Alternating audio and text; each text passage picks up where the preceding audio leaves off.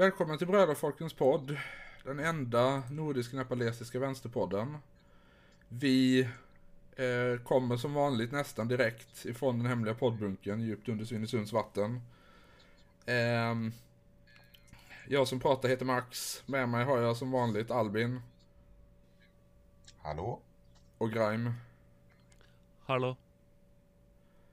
Eh, och vi ska väl börja med att säga eh, glad bild till alla våra lyssnare. Jag vet inte om detta är eh, en etablerad grej eller om det bara är jag som är helt Twitterförgiftad. Men det var ju en grej här om veckan att eh, jag tror det var Citygross eh, sålde påskägg under namnet Bildägg. Ja men just ja, ja. Eh, och sen började alla hälsa glad bild till varandra. Ja, nej framförallt så, var, så blev ju vär- världshistoriens mest lättkränkta man äh, kränkt. Ja. Just det, det är bra gjort av dem. Ja, Ja, ehm, det här är ju tänkt att eh, i högtidens ära hade vi tänkt att vi skulle göra ett litet specialavsnitt denna veckan där vi kanske inte i första hand ska prata om sånt som har hänt under veckan utan en eh, ska eh, göra en liten historisk djupdykning är väl mycket att säga men en liten undersökning av eh, ett fenomen som vi har lite, lite perifert rört vid i tidigare avsnitt. Framförallt på grund av en av mina medprogramledares konstanta pågående fascination med en av dess frontfigurer. Eh, då pratar jag naturligtvis om eh, den norska black metal-scenen under sent 80 och tidigt 90-tal. Eh, Det känns ju ändå någonstans som att eh, påsk och satanstyrkan är ju en ganska naturlig kombination. ja men det tycker jag. Men eh, innan vi gör det så känner jag ändå att vi är lite bundna att diskutera ett par av grejerna som har hänt under veckan ändå. För det har ju hänt eh, ett par ganska liksom mörkt komiska grejer och en grej som bara är fruktansvärt deprimerande. Så ska vi börja med den fruktansvärt deprimerande grejen. Ja, och jag tror att vi vet vad det är. Jag misstänker att eh, det här inte är nyheter för någon av våra lyssnare, utan eh, det är nu... Alltså det är ju inte officiellt än, men det är väl mer eller mindre allmänt känt att eh, både Sverige och Finland någon gång i de, under de närmsta månaderna kommer att ansöka om medlemskap i NATO. Ja, och då är vi ju mer eller mindre accepterade på en gång som jag förstått av generalism och Stoltenberg. Mm, det är väl så va? Ja, Eh, And- eh, Magdalena Andersson och Sanna Marin hade en presskonferens tillsammans. Det var väl igår va? jo, det var igår. Alltså onsdagen innan påsk för er som inte lyssnar på det här avsnittet samtidigt som vi spelar in det. Eh, Vilket väl är de flesta av er. Ehm, om inte jag är hackad. Och eh, ja, de återigen sa väl inte i så många ord att det här kommer hända, men det var liksom tydligt att um, utifrån mitt perspektiv i alla fall var det tydligt att det kommer det. Ja, ja, ja, nej men nu, nu kommer det, jag egentligen, har, jag, har, jag har- jag har resignerat mig för det, det, ja, men eh, det- jag känner att jag, jag kan fortfarande jobba upp lite, lite ilska över att jag inte ens kommer få ha en folkomröstning om det. Det är ju, det är ju coolt. På alla sätt och vis. Um, jag uh, älskar det här århundradet. Ja, nej, men det alltså, allt är så bra, allt är så otroligt bra hela tiden. Alltså, jag, så, jag såg i och för sig någonting nu om att SD har börjat eh, låta, låta lite om att ja, men vi, tänker, vi, vill, vi vill bara gå med om eh, NATO lovar oss att vi inte behöver hjälpa Turkiet. Ja, det är ju en klassisk sån eh, den värsta personen du vet gjorde en bra poäng ögonblick. Ja, nej men precis. Turkiet är väl ändå det NATO-land som är ansvarigt för näst mest krigsbrott under NATOs existens? Det, jeg vet ikke. Jeg, jeg tror kanskje Frankrike slår det med altså diverse statskupp i Vest-Afrika. Det har du fan rätt i, ja. Så tredje mest. Kan vi säga, de är i topp tre. Jo, de är i topp tre. Vi, vi behöver inte ranka p- plats ett och två där. Nej, två och tre där, men VM i krigsbrott. ja. Nej, nej men det, det har ju, alltså, Turkiet har ju varit mitt, mitt största argument när jag pratat om det här med riktiga människor som inte bara finns på internet. Ja, Eh, så det, det är ju skönt att de ger mig lite uppbackning där. Då.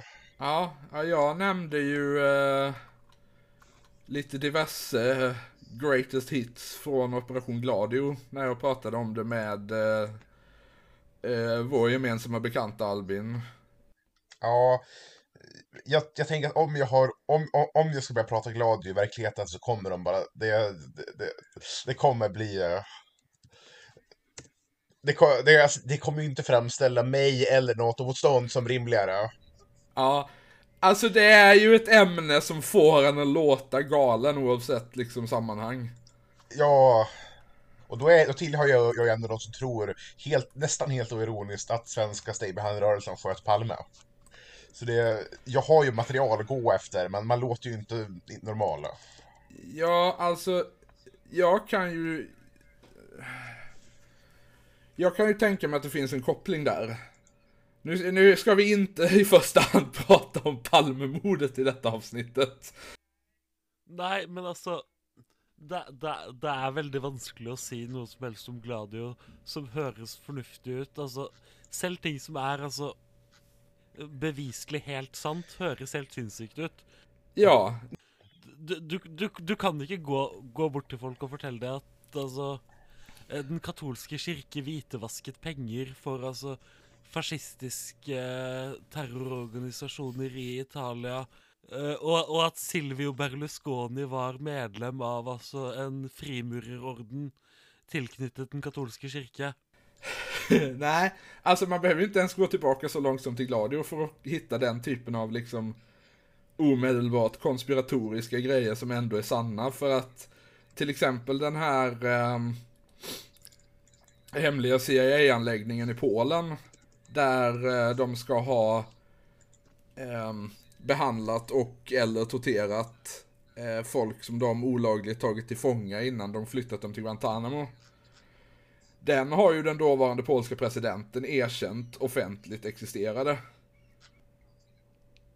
Ja, nej, alltså, det, det finns, alltså, jag, jag har en eh, bekant som liksom grottade ner sig då framförallt italienskt 70-80-tal och det slutade ju bara med att han bara såg de här kopplingarna överallt. Och, och, och, och i nio fall, och i, och i, och i nio fall av tio så fanns ju kopplingarna där på riktigt också. Ja. Nej, när man, när man stirrar in i avgrunden. Ja, och så, så stirrar drar liksom europeiska fascister med vapen från CIA tillbaka på dig. Ja, typ. Ehm, men eh, ska vi gå över till de mer eller mindre lustiga saker som har hänt under veckan som gått? Det gör vi. Vi kan ju börja med, apropå ämnet lättkränkta män, att ehm, vi har ju Medborgerlig Samling som vi nämnde i ett tidigare avsnitt, kanske till och med det senaste, Ja.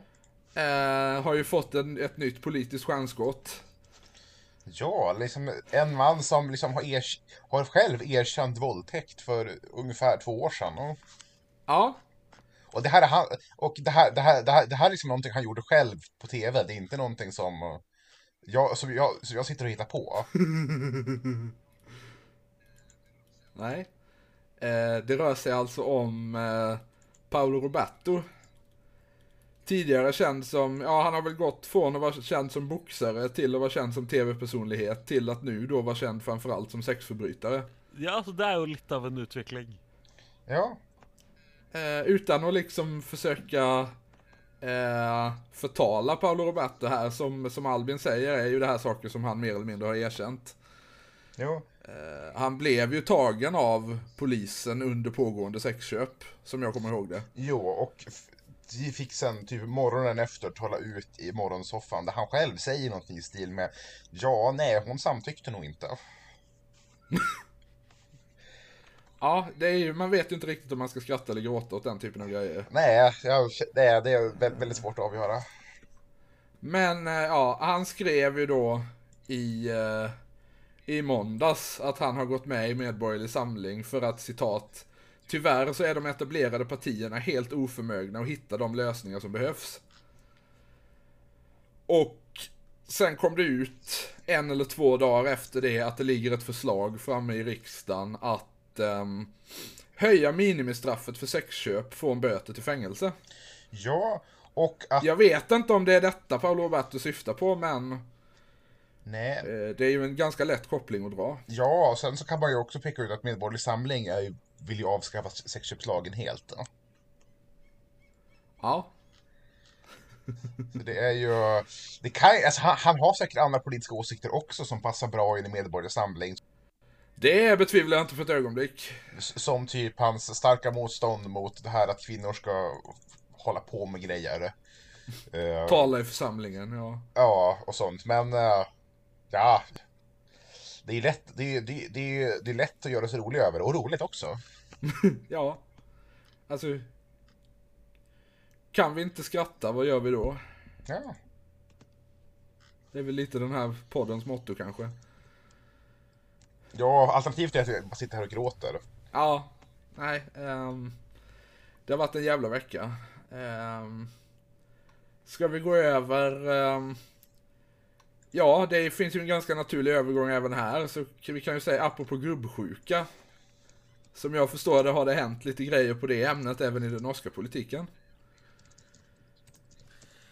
Eh, ja, eller altså Det som har skjedd, eh, skjedde vel hovedsakelig i 2005. Ja, jo, det är väl sant. Det bare kom, kom fram først nå. Eh, Så da altså for eh, 17 år siden eh, hadde eh, daværende olje- og energiminister Odd Roger Enoksen et forhold til en 18 år gammel jente. Mm. Ja, just det. Hur gammal var han vid tillfället? Det kan jeg sjekke. Han er veldig gammel nå, i hvert fall. Eh, Ja, han, för gammal. han var da 50. Ja, okej, ja. Ehm, Eh, dette, kom, dette kom fram etter at eh, eh, Etter at det først ble en sak om at en annen Senterpartipolitiker eh, hadde ved flere anledninger følt seg altså, seksuelt trakassert av Odd Roger Enoksen på diverse Senterpartiarrangementer. Eh, Mhm. Etter at det ble en sak, så eh, kom denne eh, kvinnen som da i 2005 var 18 år fram med eh, sin eh, historie. Eh, Odd Roger Enoksen har nå gått av som forsvarsminister, eh, som han var i denne regjeringen. Og er blitt, og er blitt erstattet av Bjørn Arild Gram. ja. Eh, ja. Jag vet inte vad man ska säga om det här. Du menar alltså att eh, det finns någon form, av, någon form av samband mellan relationer med brett åldersspann och någon form av manligt kontrollbehov? Det hade jag aldrig kunnat tänka mig. Eh, ja, kanskje. Lite grann. Eh, det är ju... Altså, jeg vil Jeg vil bare si at altså, til Odd Roger Enoksens eh, forsvar, så er altså et forhold med en 18-åring langt fra det verste man har av denne typen eh, historier i norsk politikk. Det är sant. Ehm, Se altså Cirka halvparten av Fremskrittspartiet. ja, Ja, jo, de, eh, de gillar det där. ja. Och nu för att försvara våra bröder i väst här lite grann. Norska utrikesministern gjorde, har gjort likadant och han fick, och han fick ett nytt jobb efter det. Nej, danska, danska, Ja. danska menar jag. Ja, just det. Ja, nej, det kommer säkert gå bra för eh, den gode Odd trots detta. Det tvivlar jag inte på. Dessvärre. Eh, det är ju återigen, Ja, jeg, jeg, jeg vet ikke, altså. Han er eh, nå, som sagt eh, Altså, han var 50 år i 2005. Han er nå 67. ja okej, då kanske det är dags att gå i pension helt enkelt. Ja, jeg, jeg tror det. Jeg tror kanskje at han- det da blir altså en normal pensjonisttilværelse. At han nå ikke får sitte i Nobelkomiteen eller noe sånt. Han får bara sin stortingspension. Jag vet inte hur han ska klara sig. Ja, men altså, den skal det nok gå an Eh, Ja, han satt vel også på Stortinget altså en stund med den gamle pensjonsordningen, eh, så Ja, han får nok noen millioner. Eh, Det er ikke veldig synd på han. Eh, det kan vi väl säga, det är inte han det är synd om i det här sammanhanget. Nei, det er vanligvis ikke altså Den äldre mannen. Den eldre mannen med altså en svært framtredende samfunnsrolle. Nej, det er synd på i denne typen situasjoner. Selv ikke, no selv ikke når de altså mister jobben sin, som de syns var veldig gøy. Eh, för som sagt så, så finns det lösningar för det. Det är ju ett lite, ett lite konstigt sammanträffande det här för att jag tror kvällen innan det här upptäcktes eh, så hade jag tittat på, eh, för att återgå till eh, filmpods eh, avgräningarna så hade jag tittat på eh, Paris, Texas. En film som handlar om ett förhållande med ungefär samma åldersspann. Eh, Så jag vet inte om jag... eh, Och då, alltså, du, du, du känner, känner att du kan ha bidragit till, ja. Alltså det är ju som sagt ett lite underligt sammanträffande. Ja. Nej, men jag tänker så här, liksom alltså, så här. Norska försvarsministern har haft ihop det med en 32 år yngre kvinna. Um, dan, eh, danska utrikesministern har haft ihop det med ett barn. Ehm, um, vem, vad- vem i svenska regeringen har gjort vad? Ja, det kan man undra. Eh, eh Jag vet inte, alltså det känns ju som liksom den sista stora ministerskandalen vi hade som liksom gällde en, en ministers privatliv var väl typ Mehmet Kaplan. Ja, och det, och det var ju... Det var inte riktigt samma typ av grej. Nej, jag tycker ändå det är, det är angränsande ändå hans, hans politiska liv. Ja, någonstans gjorde det väl det. Eh, för de av våra lyssnare som inte kan svenska ministerskandaler så med, eh, den, den, miljö, den miljöpartistiska bostadsministern Mehmet Kaplan behövde avgå för det visade sig att hans, alla hans kompisar var turkiska fascister. Ja, Ja, men var det han som var en sånn Han hadde noe tilknytning til altså Gråulvene? Ja, jajamän. och åkte ner... Ja, nei, altså Hva skal man si? Ja, Det är ju roligt att... eh, alltså, det, någonstans känns det som om det är en väldigt underlig kontrast mellan Grå Vargarna och Miljöpartiet. ja, Det hade ju nästan varit... På något sätt hade det ju nästan varit mindre konstigt om han var socialdemokrat. Ja, alltså jag känner att alltså om... Nu, alltså visst, det verkar, alltså Miljöpartiet verkar ha haft lite problem med att det har gått med folk där som kanske har, men är inte helt överens om att ifall Sverige borde vara en sekulär stat eller inte. Men, det alltså, det, alltså det, jag hade... Liksom, alltså det känns, alltså Grå Vargarna, det känns ju mer, det, det, det, det är väl mer bara radikala nationalister. Det är, ju- det, det är väl inte islamister i samma utsträckning? Inte som jag förstår det, de är väl mer typ... Ja, alltså... Inom citattecken vanliga ultranationalister. Ja, armenerna förtjänade det, grekerna förtjänade det. Eh, vi, ska, vi vill göra det igen. ja. Eh, ja. Det eh, armeniska folkmordet hände inte, men hade det hänt så hade det varit coolt. Ja, Ja, eh, pluss at altså Tyrkia burde være sånn cirka fem ganger større. Ja, precis. Ja, är det ett land som borde vara större? Eh, Ja, nei, men altså ikke, nødvend ikke nødvendigvis altså at de vil ha tilbake det osmanske riket, men altså at Även om jag tror många av dem vill det. eh, Jo, det, det hadde ikke gjort det noe, men altså, de mener at altså Kasakhstan, Mongolia og en del sånne steder er Mm. altså en del av den tyrkiske nasjonen. Ja. Ja, nej men det finns ju när, eh, när Turkiet blev uteslutet från Eurovision för några år sedan. Eh, så startade de ju sin egen tävling där alla länder med no- eh, som pratar någon form av turkspråk kunde vara med. Panteonismen är, ju ändå en spännande sån där gren. Ja, Ja, absolut. Eh, det får man ge dem. ja. Och, men, men nu känner jag att vi måste röra på oss, för annars kommer jag börja prata om Turkiska Patriotiska Partiet och då är vi kvar i brunröd i, i, i, i brunröd turkisk maoism hela, hela dagen. Ja, det är, det är ett öde. Så, så da, da kan vi vel gå videre, altså fra eh, gråvargene til en annen varg. Ja, Ja, herregud vad vi går med eh, övergångarna den här veckan. Det är... Ja, nej men eh, ska vi prata lite om eh, mannen, myten, legenden. Världens absolut konstigaste fascist.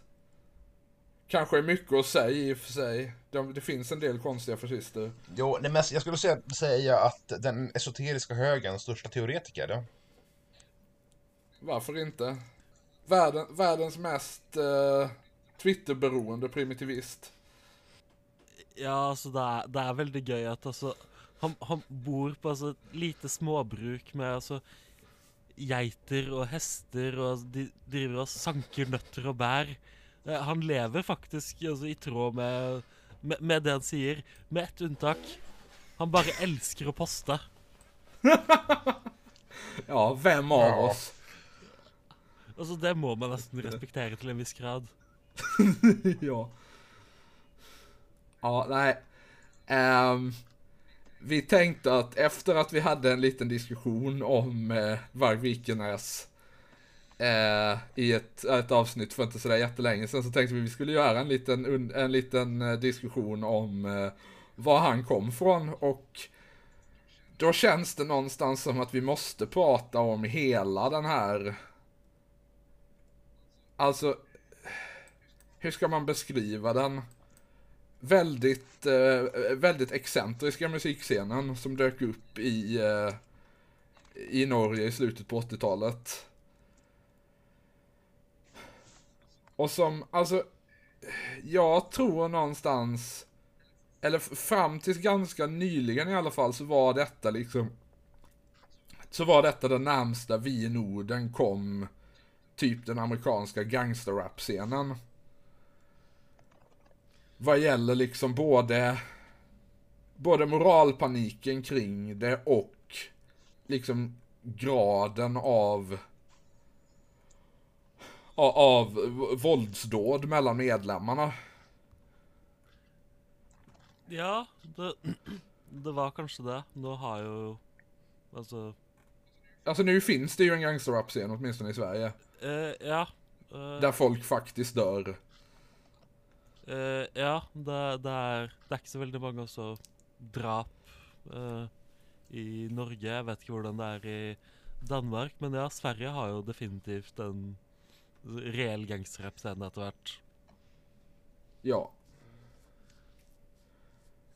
Men i, på 90-tallet, i, i altså høyden av altså, historiens slutt, eh, så var det absolutt skumleste som fantes i Norge, eh, en gjeng uh, Tolkien-nerder eh, med hvit og svart sminke. Ja, varför inte? Jag är ju ingen musikhistoriker, men ska vi försöka prata lite om var, var den här scenen kom ifrån? Eh, ja, altså du tenker altså musikalske opphav og sånn? Eh, ja, dels det och dels liksom vad som... Vad som, vad som gjorde att den... Eh, att den blev sån, eller vad man ska säga. Eh, ja. Alltså, För det är ju liksom, det finns ju liksom, alltså tillbaka åtminstone till typ Black Sabbath, säkert ännu längre, så har det ju funnits liksom en fascination med den här sortens ockulta grejer i, inom hårdrocken. Ehm, Black Sabbath var ju väldigt, väldigt specifikt influerade av ehm, den katolska kyrkan. De var ju, tror jag allihop, eh, uppvuxna i katolska familjer. Och sjöng liksom om eh, påven och satan. Och det här var väl någonting som ganska många tog någon form av inspiration från, ja, tänker jag mig. eh, jeg vil ba- aller først poengtere at altså Det at de var altså Britiske katolikker er jo altså sketsjy. Det, det, det, er, det er jo ikke bra. Nej, det... Eh, men eh, ja, eh, Black Sabbath Absolutt altså uh, okkulte eh, Satanistiske tekster, uh, albumcovere, altså hele den altså estetikken uh, eh, har jo absolutt altså hatt veldig mye å si for uh, uh, alt av metal s- siden det.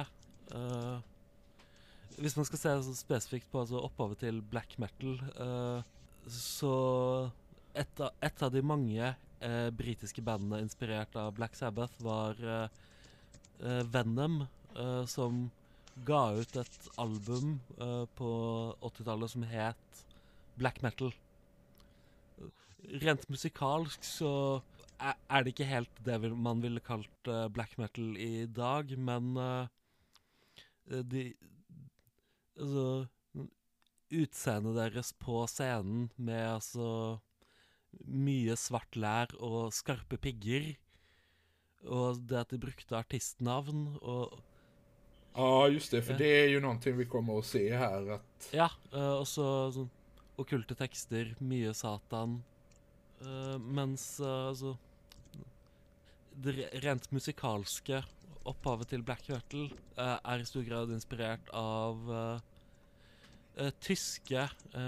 thrash metal-band fra eh, 80-tallet som altså prøvde å kopiere de store amerikanske thrash metal-bandene som altså Slayer, Metallica, Megadeth. Jaha, okej, så det är lite av en, eh, lite av en visklek här då. Ja, men i og med at disse tyske bandene ikke var i California, eh, hadde de ikke tilgang til like bra studioer, så det er ganske elendig produksjonskvalitet. Eh, noe som altså, har blitt et slags altså, stilistisk trekk for black metal. Ja. Det är ju... Det är ju lite så. Um, det är ju när man lyssnar på... Det här är ju inte riktigt, inte riktigt min genre av... Eh, av eh, hårdrock eller metal ska jag säga. Eh, men man märker ju det.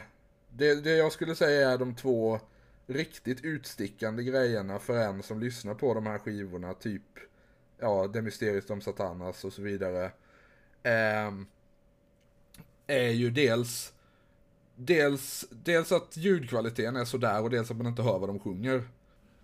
Uh, ja, eh, så altså der, Derfor eh, min alltså anbefaling till alla som Letar efter ett mer eller mindre black metal-album som kanske är lite mer tillgängligt er eh, 'Bergtatt av ulver'. Veldig lett å høre, og du skjønner mer eller mindre hva de synger.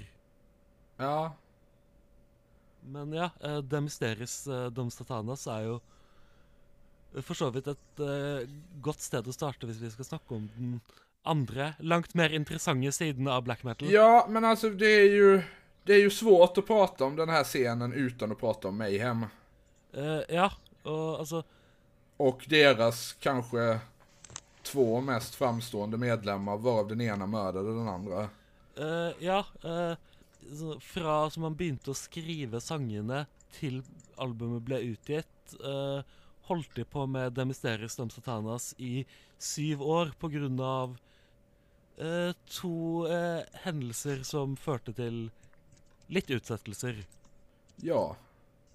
Ja, det var väl att, eh, ja, just att två av bandmedlemmarna dog Eh, ja, eh, fø på olika sätt. ja tok eh, vokalisten livet, livet sitt, og så ble gitaristen drept.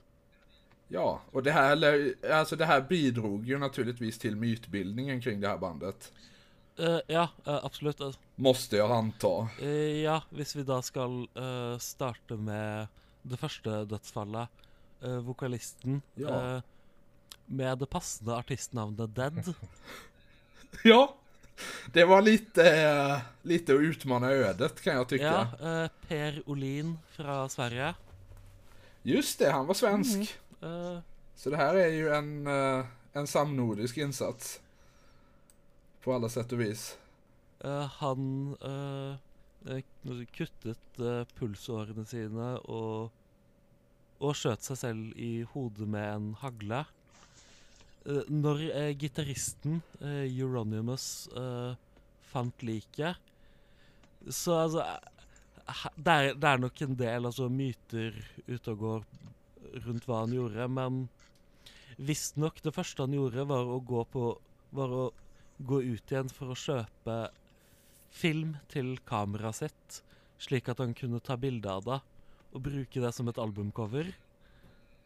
Jajamän, det här med att uh eh, ta bilder på olycksplatser och bruka dem som, album, som skivomslag är ju återkommande. Ja, det kommer til å dukke opp igjen. Eh, Han skal visstnok også ha ja. plukket opp biter av hodeskallen eh, og laget smykker av de som han senere ga til medlemmer av black metal-miljøet som han anså som verdige den såkalte svarte sirkelen. Ja. Euronymous är ju en intressant figur. Eh, på ett, liksom ett rent politiskt plan. Eh, för han var ju medlem av Röd Ungdom under en kort period. Jaha. Eh, som jag förstår det därför att han tyckte att typ Nordkorea och Ceausescus Rumänien var coola för att folk led. Eh, ja eh, Ser ut til at altså Euronymous sin versjon av kommunisme var altså eh, Han leste The Black Book of Communism, konkluderte med at Det här är bra. det- alt dette er sant, og alt dette er bra. Ja. Det, ja, men alltså, det, är, det här är en politisk, den här liksom en sorts, jag vet inte, jag vet inte vad man ska kalla den, realistisk domerkommunism, den, den, den var ny för mig. Ja. Ehm, Ja, det är... Det är ju en estetik. Eh, och det känns ju väldigt mycket som... Liksom... Det känns ju ganska tidstypiskt på något sätt att någon liksom tonåring på 80-talet i Norge får den typen av... Alltså att det är så här de väljer att göra uppror. Uh, ja, jag tänker att alltså eh, Allt av alltså politiska meninger i alltså, black metal-miljøet i Norge på denne tiden må ses i lys av at eh, dette er altså eh, tenåringer i et av verdens kjedeligste land som desperat leter etter noe å gjøre opprør mot. Ja, alltså ett av, ett av de, de tråkigaste och samtidigt mest välbeställda länderna i världen. Ja. eh, det, det, hva skal du liksom eh, Dels på 80-tallet, men altså særlig på 90-tallet. Hva, hva skal du liksom egentlig være sint for i Norge? Altså Hvis du ikke har noe sånn altså systematisk kritikk av altså kapitalisme globalt og altså, imperialisme og sånn, så er det veldig lite så, Och eh, det, oljeekonomin och så ja, vidare. Ja. det er veldig lite altså internt i det norske samfunnet, i, altså det du opplever til daglig, som eh, gir deg noe altså, grunnlag for å gjøre eh, opprør. Nej. Eh, lite så. Och där är ju... Alltså det här visar ju tecken på en avsaknad av saker att göra uppror mot. Men kanske framförallt en avsaknad av saker att göra uppror för, Eh, ja, da tänker jag. Att det liksom saknades den här... För att alltså, tittar man under ytan så fanns det naturligtvis allvarliga problem även med det norska samhället på 90-talet. Men det här var uppenbarligen inte någonting de var ehm, förmögna eller intresserade att göra. Nei eh, Utan de gjorde istället det här att... ehm, nej men liksom, liksom satanism och eh, glorifiering av mänskligt lidande på något vänster. eh, Ja. eh, så har man jo også et par altså, ulike innfallsvinkler til altså glorifisering av menneskelig lidelse innenfor eh, black metal-miljøet. Man har jo da altså Euronymous sin relativt originale altså nihilistisk eh, doomer-kommunisme, var det det du sa, Alben? Ja, precis. Ja, så har man jo altså, diverse altså eh, nynazistiske utsagn og ideer. Eh, Eh, och det är ju här vi kommer tillbaka till eh, Euronymous bandkamrat. ja. Eh, Jag vet inte alltså hur pass, hur, hur pass utvecklad var hans liksom nynazism på den tiden? För att det känns ju som att han, han var ju alltså, han var ju uppenbarligen redan då väldigt inbiten kristendomsmotståndare. eh, ja, eh, i 1997 eh, ga han ut boken 'Vargsmål' Just det. under altså forfatternavnet altså, eh, Varg Kristiansson Quisling Vikernes, eller noe sånt. ja. ja, just det. För att det här är ju också värt att nämna att även Varg Vikenäs är ju i någon mån ett artistnamn. För att han är ju, han är ju döpt till Christian. Eh, ja, han er døpt eh, Christian Vikernes. eh, Och, men det är ju, det är ju något vanskligt att vara eh, nyhedning och inbiten kristendomsmotståndare och heta Christian i förnamn. Ja, så skal det også sies at Varg Vikernes har vel kanskje ikke veldig mye altså, respekt for altså, dåpen som et sakrament, så Inte det heller, nej. Eh, och han, alltså nu för tiden het, ja nu för tiden heter han ju inte Varg Vikenäs i passet heller. Ja, vad heter han nu? Louis Cachet. Också ett helt okej namn. Eh, Ja, nej men det är ju det här, eh, det här klassiska att, att dö- dömda brottslingar byter namn. Dock i, i hans fall så är det ju inte ett helt konstigt namn. Vilket väl är, i, vilket väl är eh, ovanligt i det sammanhanget. Eh, men det är väl, alltså det är väl hans frus efternamn. eh, låter rimligt. Så. jeg, Eller hun- jeg, jeg vet ikke Hon heter i alla fall också så nu. eh, Ja, jeg vet ikke om hun da også byttet navn til Cachet, eller om det Om hon hette det från början, Ja. ja. Men ja, så jag, alltså jag började ju fundera på om han någonsin juridiskt sett har hetat Varg Vikenäs. Eller om han bytte från, från Christian Vikenäs till Louis Cachet utan att liksom ha något mellan, mellanrum där. Ja, det låter jag vara osagt. Eh, Ja, jeg vet ikke om han noen gang har juridisk eh, hett eh, Varg. Nej. Eh, Men eh, artistnavn Altså det altså, artistnavnet han brukte altså s- som del av black metal-scenen, eh, var ikke først og fremst eh, altså, Varg. Eh, var, Varg brukte han som sitt altså, normale navn. Eh, artistnavnet hans var Grev Grishnak.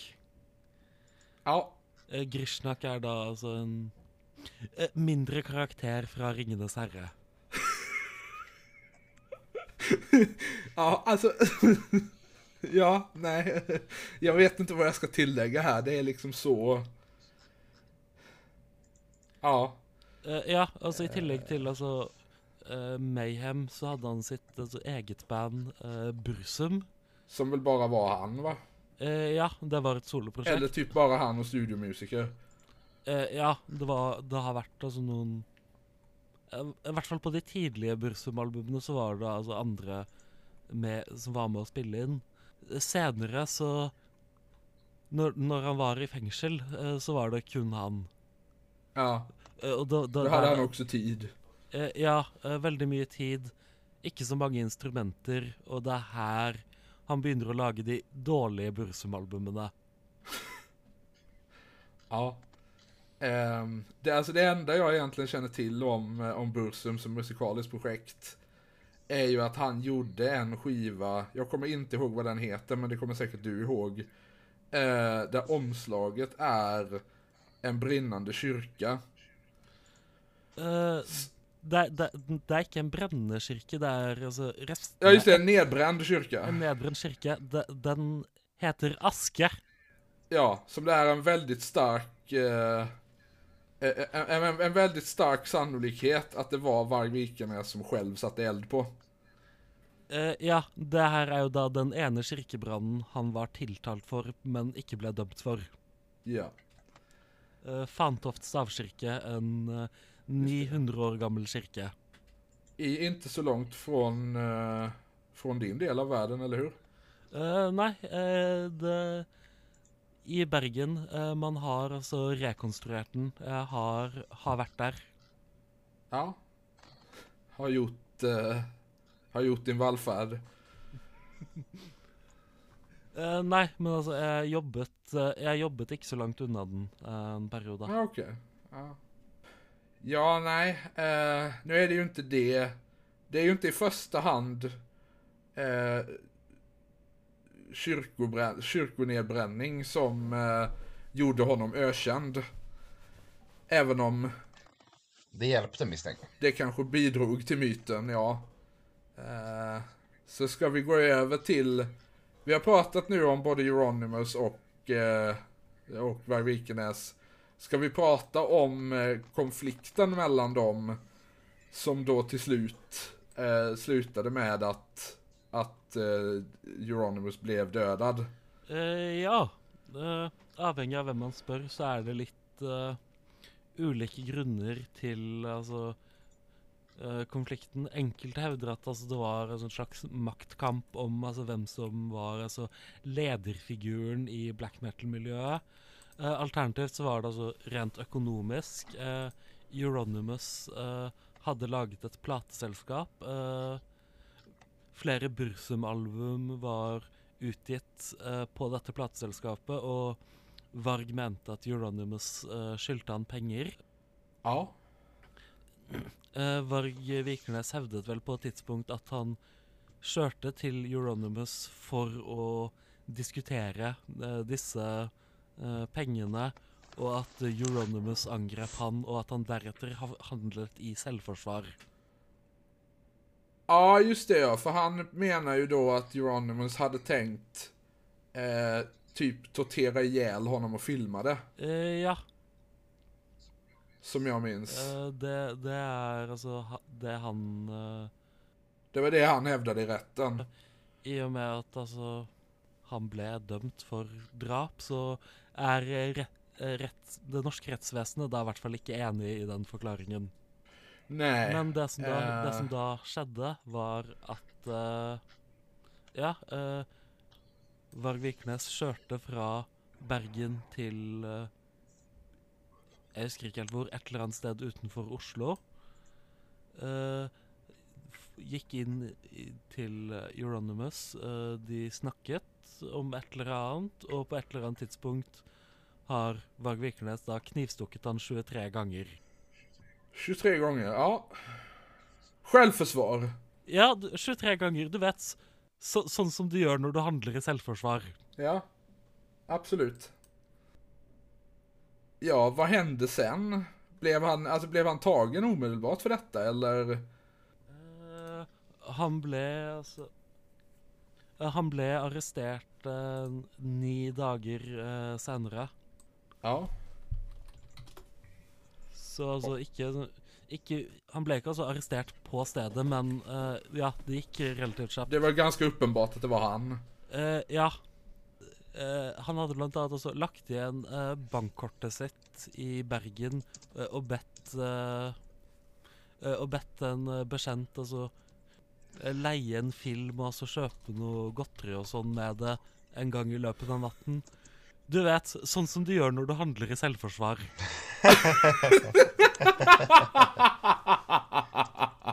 Ja, nej. ehm.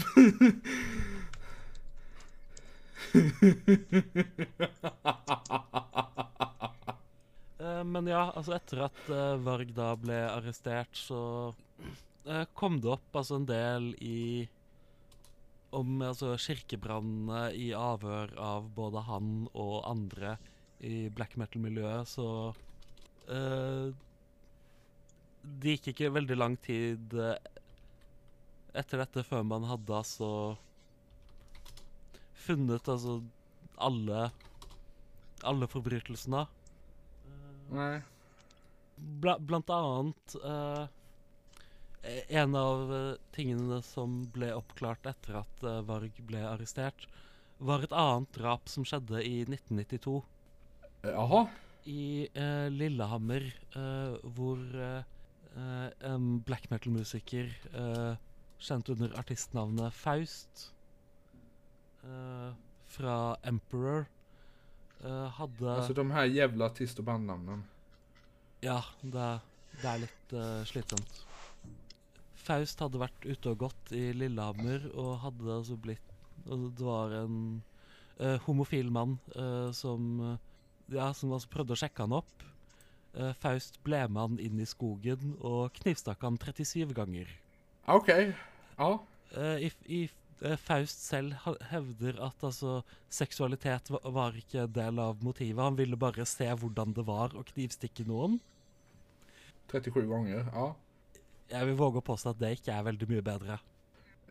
Nej, nej, jag ser inte riktigt... Uh, alltså... Det känns som att det är ungefär lika olagligt oavsett om, eh, om det låg homofobi bakom eller bara blodlust. Eh, ja.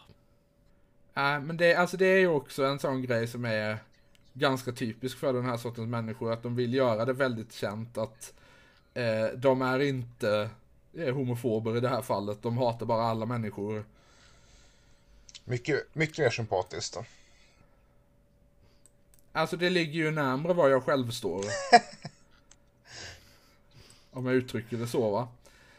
Ehm, M- Det var mye sånn misantropiske utsagn og ideer i dette miljøet, men altså Det var nok altså enkelte grupper mennesker de hatet mer enn andre. otvivelaktigt ja. Eh, Eh, på altså eh, Dark Throne-albumet Transylvanian Hunger eh, återigen. Ja, eh, så, så, så er det en sang som heter 'Over fjell og gjennom torner'.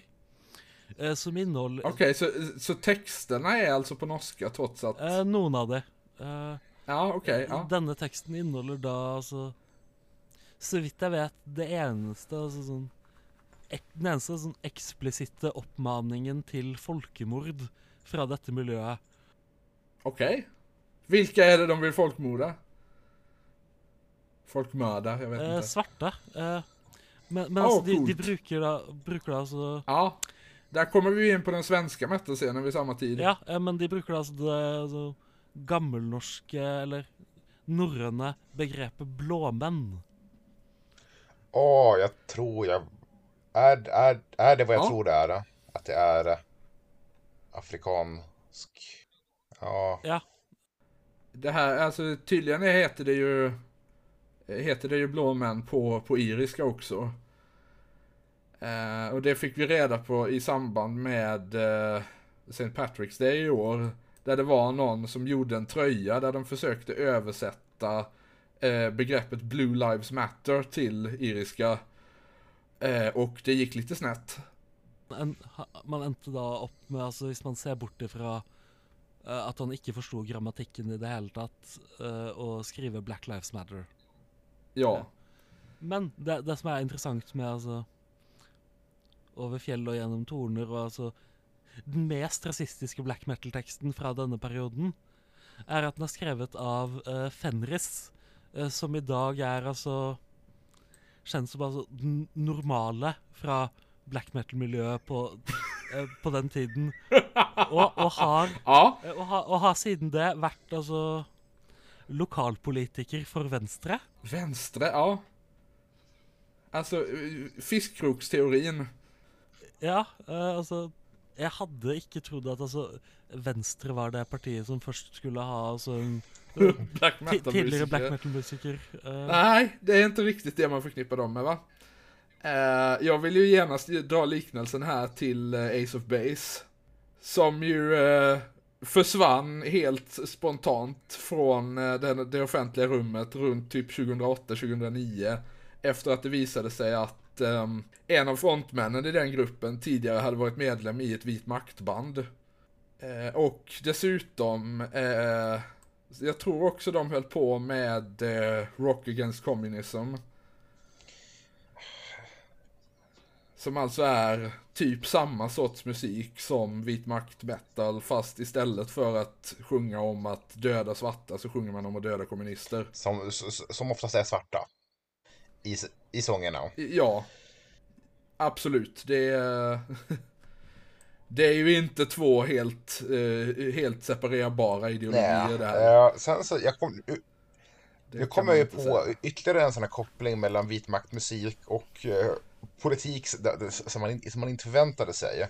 Vi hade ju den här skandalen där det visade sig att, ja, stora skandalen var väl att eh, den nya civilministern eh, hade heilat som tonåring. Ja, Ja, just det. Ja, Ida och eh, sen att hennes sambo spelade i eh, eh, Raubtier, vilket jag i och för sig tycker är mer pinsamt för honom att han är ihop med en sosse än att hon är ihop med en, eh, med en basist. Men det, det, det, det som jag tycker, Inte basist, ja, men... nej men, men alltså det, det jag tycker kommit eh, lite undan här, det var ju också att han har ju s- han har ju uppträtt med Pluton Svea, den här killen.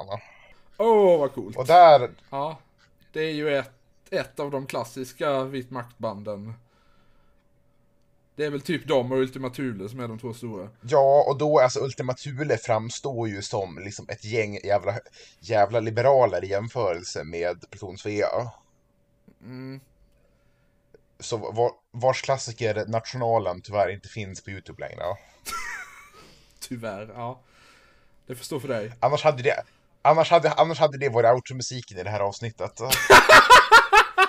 Ja, ehm, jag har ett förslag på automusik som Ja, vi kan ta. Ja, Eh, eh, jo, för det fanns ju nämligen också ett, eh, ett, ett parodi black metal band i slutet av 90-talet i Norge som sjöng eh, texter, väldigt torra texter om eh, eh, dåvarande norska sakpolitiska frågor. Du tenker Du tenker på Black Dabbat? Det jag tänker på Black Dabbat. Ja. nej, nej vad arg jag blir, vad arg jag blir. Ja. Vilket dumt namn, vilket dumt namn. Ja, eh, de har ju sådana klassiska bangers som Problemer innan de höjre och eh, Reorganiser helseväsendet. Eh, ja, eller eh, ja, Ja. og nei til EF. Ja och nej, ja. Det är bra. Alltså det här, alltså är det här typ eh, som den, den norska mittenhögerns svar på knutna nävar? Alltså jag vet inte vad de själva står politiskt faktiskt.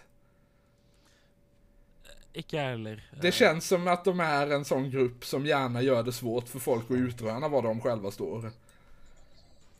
Som, liksom, som liksom tycker Ja, det är- det är att, eh, att det, den bästa satiren är den där man inte kan avgöra eh, satiristens åsikter. Typ eh, Lex Knappnytt. Ja men de, de, fast de tyckte jag ju, det, det, var, det var ju moderater. Det tyckte jag framgick. Det, det, det, den, det lärde jag mig när jag var 11 år, det där är fan moderater. Jo, nej men visst, alltså många av de här, den här typen av människor är ju i praktiken höger. Det är ju, de gjorde ju inför valet 2006, gjorde de ju en genomgång av eh, alla politiska partier och Vänsterpartiets del bestod i stort sett av eh, att de radade upp listan av, alltså den inom citattecken officiella listan av kommunismens dödsoffer eh, med Benny Hill-musiken bakom. Ja, vilket, och det, det, det, det, det är spännande liksom vad man minns, för det här, det här, det här, jag ser klart framför mig nästan hela det här uh, klippet. Ja, eh, jag Men- också. Jag tror vi är ungefär... Vi var på ungefär samma del av internet ungefär samtidigt låter det som. Ja, jag, jag, jag tror det. Jo, man kommer ju ihåg eh, eh, Miljöpartiet, deras, deras värdeord var ju till exempel rädda skogen, ät en bäver. Ja, nej, så det är så... Åh gud, det är alldeles för må- många grejer från knappt som fortfarande finns kvar i mitt, i mitt vokabulär. Kast med liten provins! Ja. Var är båten? Ja, Vilken nej. jävla båt! Motorbåten. Ja, nu, nu tycker jag vi börjar spåra ur Ja, lite. nu, nu, nu, spår, nu alltså- spårar det för mycket, nu spårar det för mycket, nu måste vi tillbaka. Ja. Ja, alltså jag kan inte tänka mig att... Eh, ja, men alltså en... eh, Ja, eh, du måste undra nu. vi, vi, vi kan jo alltid s- s- eh, snakke litt mer om altså, Varg Vikernes, i og med at det her faktisk er tema denne gangen, og ikke en komplett avsporing. Eh, Ja, Ja, Eh, ja, eh, han bor jo nå i, Fra i Frankrike. Har altså eh, Har i Frankrike altså blitt han, han flyttade väl dit i princip direkt efter att han släpptes ur fängelset. Ja, altså de bodde en kort periode på sånn gård i Norge, men kom frem til at det var ikke så gøy å bo i Norge som altså landets mest kjente Mest kända mördare. Ja, eh, det er han jo for så vidt ikke nå lenger, så eh, kanskje de flytter tilbake. Nej, det är sant. Eh, han är väl dock Norges mest kända mördare som är på fri fot. Eh, ja, det er han. Eh, så att men altså, etter de kanske ska vänta Ja. tills Breivik kommer ur fängelset. Ja, hvis, hvis det noensinne skjer. Eh, Det, ja. men altså, i Frankrike så har han hatt litt eh, konflikter med franske myndigheter òg. først, Ja. eh, først og fremst så eh, Til å begynne med så la det jo det franske politiet merke til at altså Denne altså, nynazistiske dø, dømte morderen er en av personene som Anders Behring Breivik sendte sitt manifest til. nej fan. ja. Det förvånar mig inte på något sätt. Eh, til Varg Vikernes sitt forsvar, så altså Har han f fordømt altså Breiviks både altså handlinger og meninger? Kanskje ikke helt av normale grunner. He eh, Nej, heller, han har väl inte sådär mycket mot liksom nynazism. Nei, altså heller da altså for Utan det det har väl mer att göra med att eh, Anders Behring Breivik tycker om kristendomen. Eh, Ja, nei, altså det var vel altså Jødisk folkeforræder eller noe sånt eh, kalte han.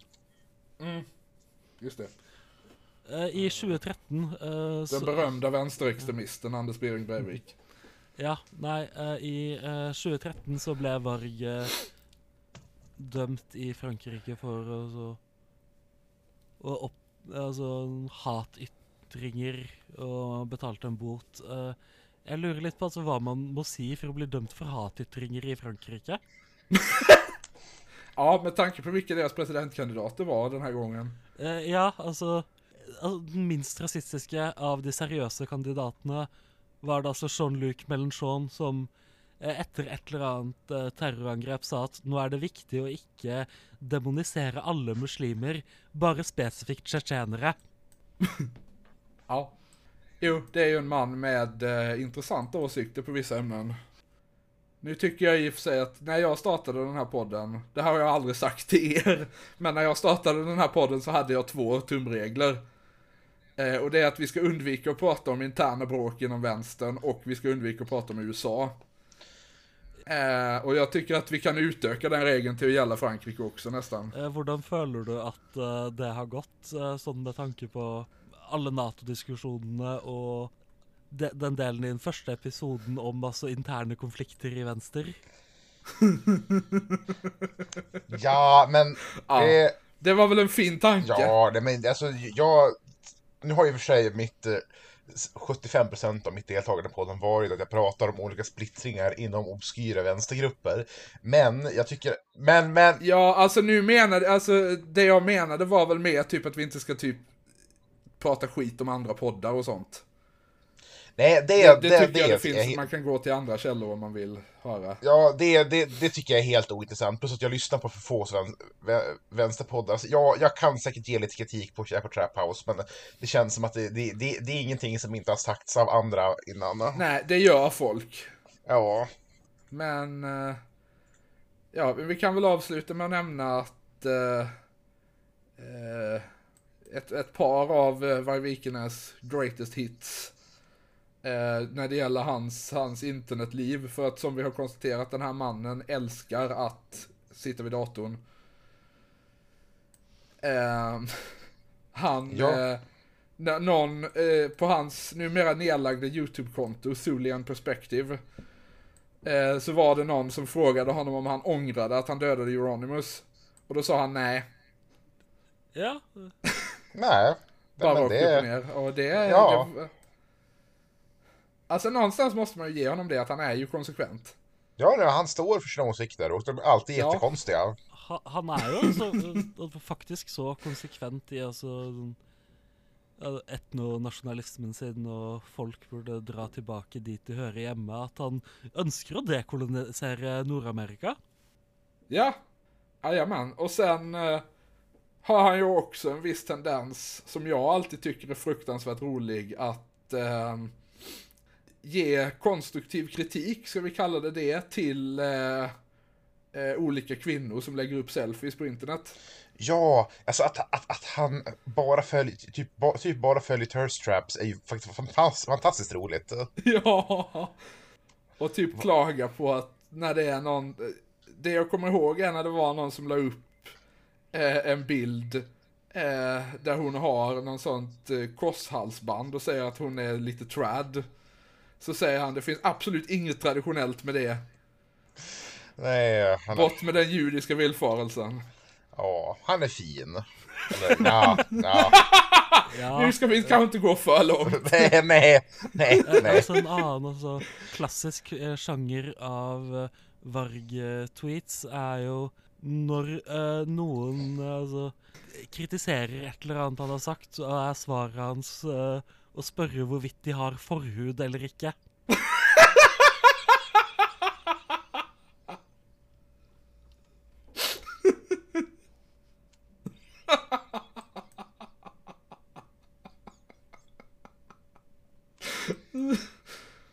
Ja. Ska vi låta det vara slutordet? Ja, vi kan vel det. Vi kan göra så. Det känns som ett passande sätt att avsluta det här på, på något vänster. Ja, du som har, lys- du som har lyssnat har lyssnat på Bröder Folkens podd. Ehm, har du hittat det här avsnittet så vet du redan var vi finns. Uh, men om du vill följa oss på Twitter kan du göra det på twitter.com slash broderfolkens. Uh, och där finns det också länkar till att följa oss individuellt. Ehm, ja, det var väl allt för denna veckan. Vi hörs igen efter, efter bildhelgen. Eh, så tack för oss. Ha det.